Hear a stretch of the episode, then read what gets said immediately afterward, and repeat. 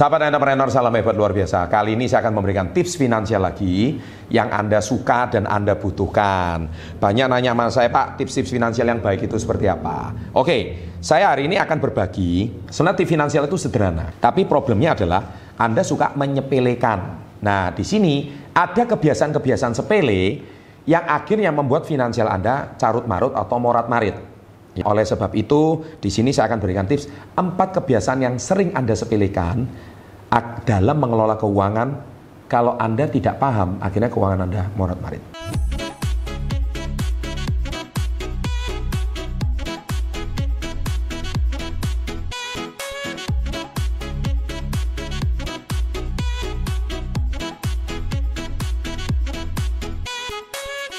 Saya langsung masuk pada topik. Jadi empat kebiasaannya itu apa saja yang sering Anda sepelekan. Ini kelihatannya sepele, tapi tips ini sebetulnya sangat bermanfaat untuk Anda.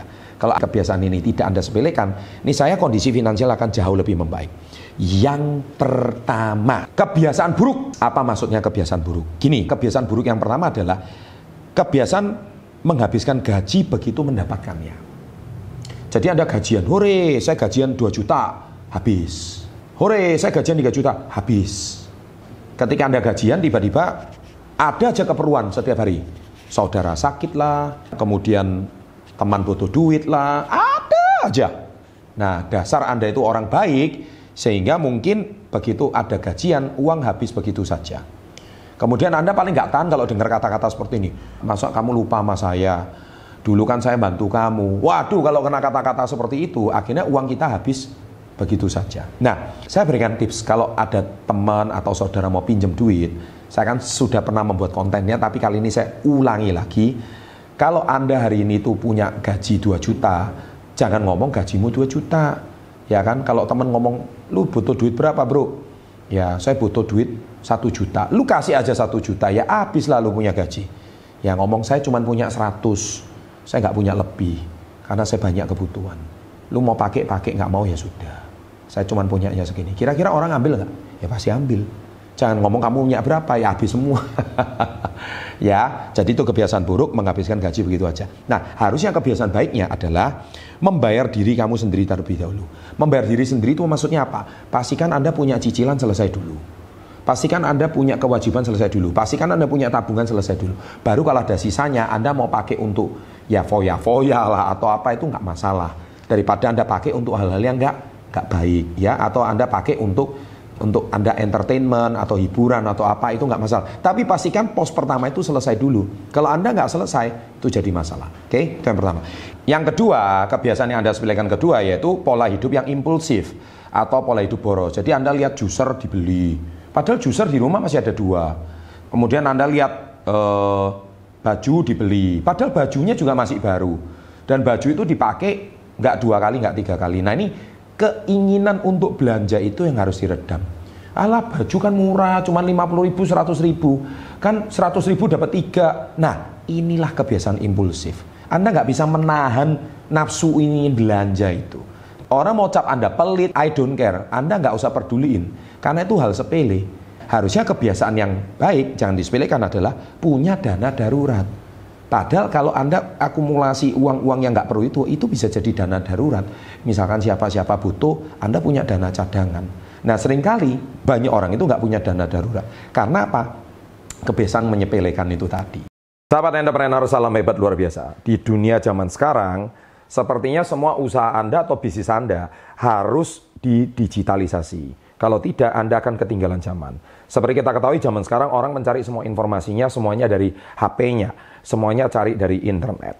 Jadi oleh sebab itu minimal bisnis Anda harus ada yang namanya blog atau website. Nah, saya rekomendasikan Anda untuk memilih Niaga Hoster.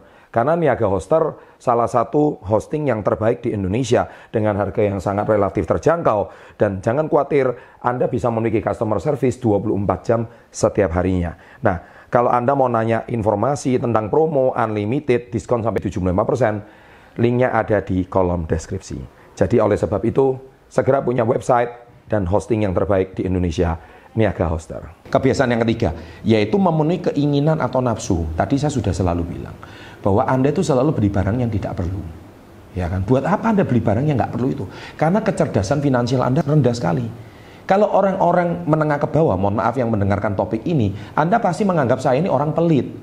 Tidak, ini bukan masalah pelit, ini masalah cerdas finansial. Kalau Anda orang yang cerdas finansial, Anda tidak akan sembarangan pakai uang untuk hal-hal yang nggak perlu.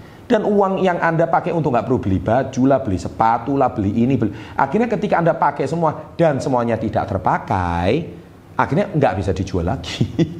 Apalagi numpuk handphone sampai berapa hanya untuk ngikutin model ayah, ini parah banget ya. Nah padahal tips yang baik adalah sebetulnya untuk memenuhi kebutuhan nggak usah memenuhi keinginan gitu. Karena kebutuhan lebih diutamakan.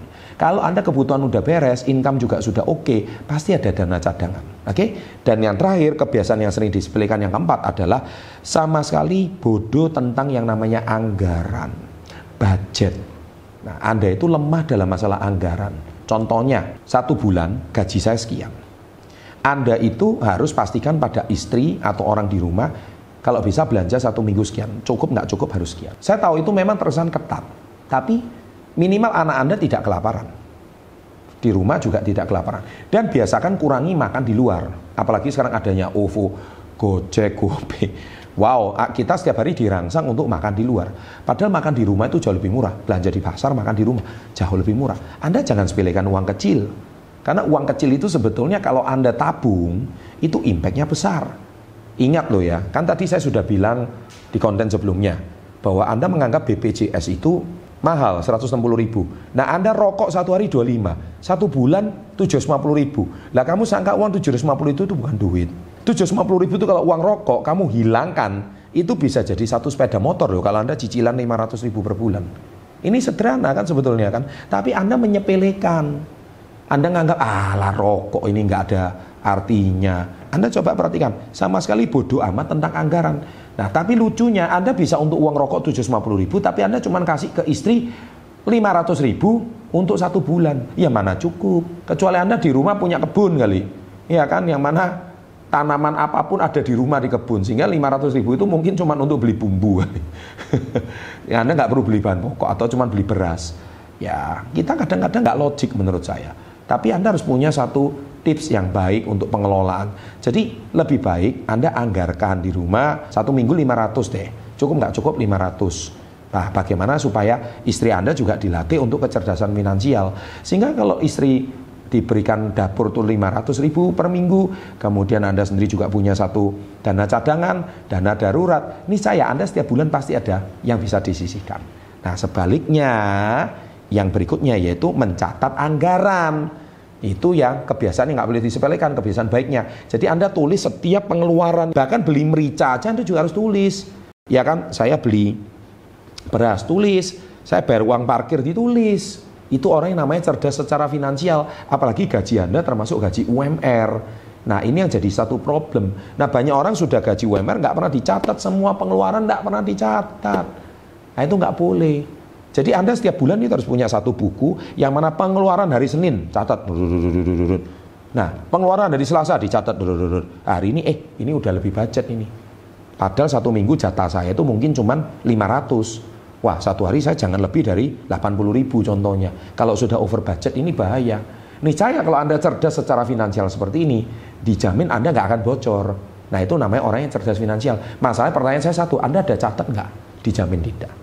Nah, saya yakin dengan tips kecerdasan finansial ini, kalian semuanya sahabat SB30 bisa lebih cerdas secara keuangan, Anda bisa sisihkan untuk investasi. Ini saya, hidup Anda akan jauh lebih hebat dan luar biasa. Dari saya, Canda Putra Negara, terima kasih dan selalu salam hebat, luar biasa.